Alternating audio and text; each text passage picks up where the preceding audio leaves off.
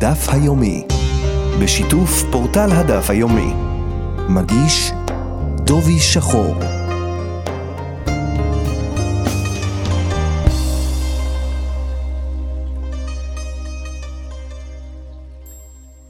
שלום למאזינים, היום במסגרת הדף היומי נלמד מתוך דף ק"ו במסכת בבא קמא.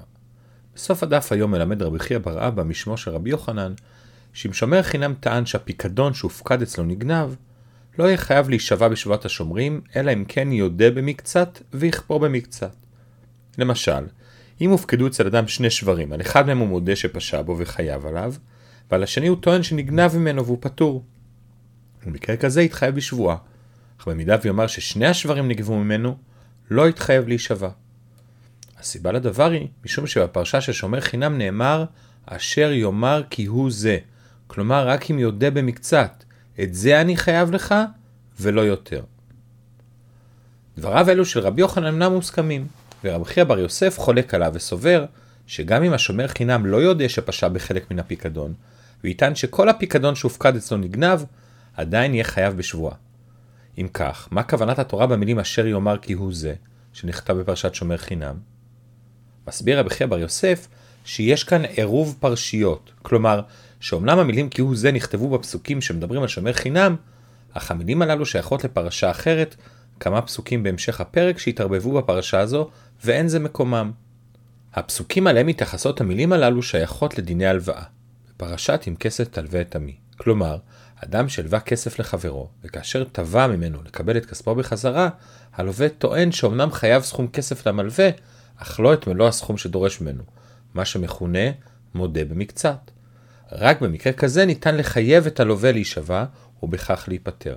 אך במידה ויכפור בכל הסכום, ויטען שפרע את החוב במלואו, או לחילופין שכלל לא לווה את הכסף, במקרה כזה מדין תורה לא נוכל לחייבו בשבועה.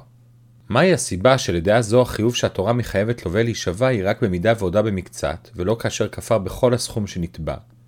מסביר רבא, משום שהסבירות שאדם יכפור במלוא הסכום שהוא מחייב מול המלווה, שעשה לו טובה והלווה לו כסף, היא סבירות נמוכה. חזקה, אין אדם מעיז פניו בפני בעל חובו. לעומת זאת, הסבירות שאדם יכפור במקצת החוב גבוהה יותר, משום שלעיתים לווה צריך להחזיר את חובו, אין ברשותו את כל הסכום להשיב את ההלוואה, את הכסף שיש לו הוא משיב למלווה, ואת שאר הסכום הוא משתמט ואומר שאינו חייב, כאשר הוא אומר לעצמו שבקרוב הוא ישיג את יתרת הסכום וישלם על המלווה. רק שבינתיים הוא כופר בחלק ההלוואה הזה. ובדיוק כדי למנוע מצב שכזה, קבעה התורה שעל הלווה שהודה במקצת להישבע, שאכן לא חייב את הסכום הנותר. השבועה תגרום לרוב האנשים להימנע מלשקר ולהודות בסכום המלא. הדברים שאמרנו הם כפי שרש"י הסביר כאן בסוגייתנו בסוגיה בתחילת מסכת בבא מציע. התוספות מסבירים מעט שונה.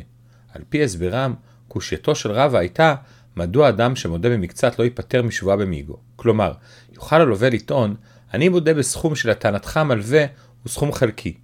אך אם באמת הייתי רוצה לשקר, הייתי יכול לטעון טענה טובה יותר. הייתי משקר וטוען שאיני חייב לך כלום.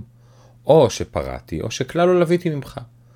אך אני הלווה בחרתי להגיד את האמת ולהודות בסכום שאני חייב לך מלווה. ואפילו שלטענתך מדובר בסכום גדול יותר, תאמינו לי. והתשובה שכאן מדובר במיגו דהעזה, כלומר, טענת מיגו מתקבלת רק כאשר אין העזת פנים בפני בעל הדין, משום שלכפור בכל התביעה כולה, זו העזה גדולה יותר מלכפור בחלק מהתביעה. בניגוד לשיטת התוספות, הרי מיגש סובר שכל סוגי המיגו, כולל מיגו ללא העזה, אינו פוטר משבועה, אלא רק מתשלום המוני. והוא מוכיח זאת מהעדים שלנו, של מודה ממקצת, שחייב שבועה אפילו שיש לו מיגו. כלומר, שלדעת הרי מיגש אומרים מיגו דעזה, ולכן המיגו שמודה במקצת הוא מיגו טוב. והסיבה שמודה במקצת לא פטור משבועה במיגו, משום שלעולם מיגו אינו פוטר משבועה. וכדעתו של הרי מיגש גם פסק הרמב"ם והשולחן ערוך. הרמ"א הביא דעת הטור בשם הראש, והר"ן שמיגו פוטר משבועה, אך מיגו דעזה לא פוטר משבועה.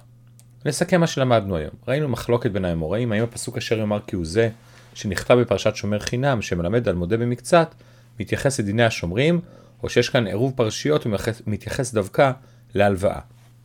רבא לימד שהסיבה שהתורה חייבה שבועה רק במודה במקצת בהלוואה, היא בגלל ההיתר שייתן האדם לעצמו בהחזרה חלקית של החוב, בניגוד למצב של כפירה בכל הסכום. לדעת התוספות, כוונתו של רבא הייתה שלמרות שללווה הייתה טענת מיגו שהיה יכול לכפור בכל ולהיפטר לגמרי, בכל זאת הודה במקצת, אף על פי כן, טענת המיגו אינה מתקבלת משום שמדובר במיגו דעזה.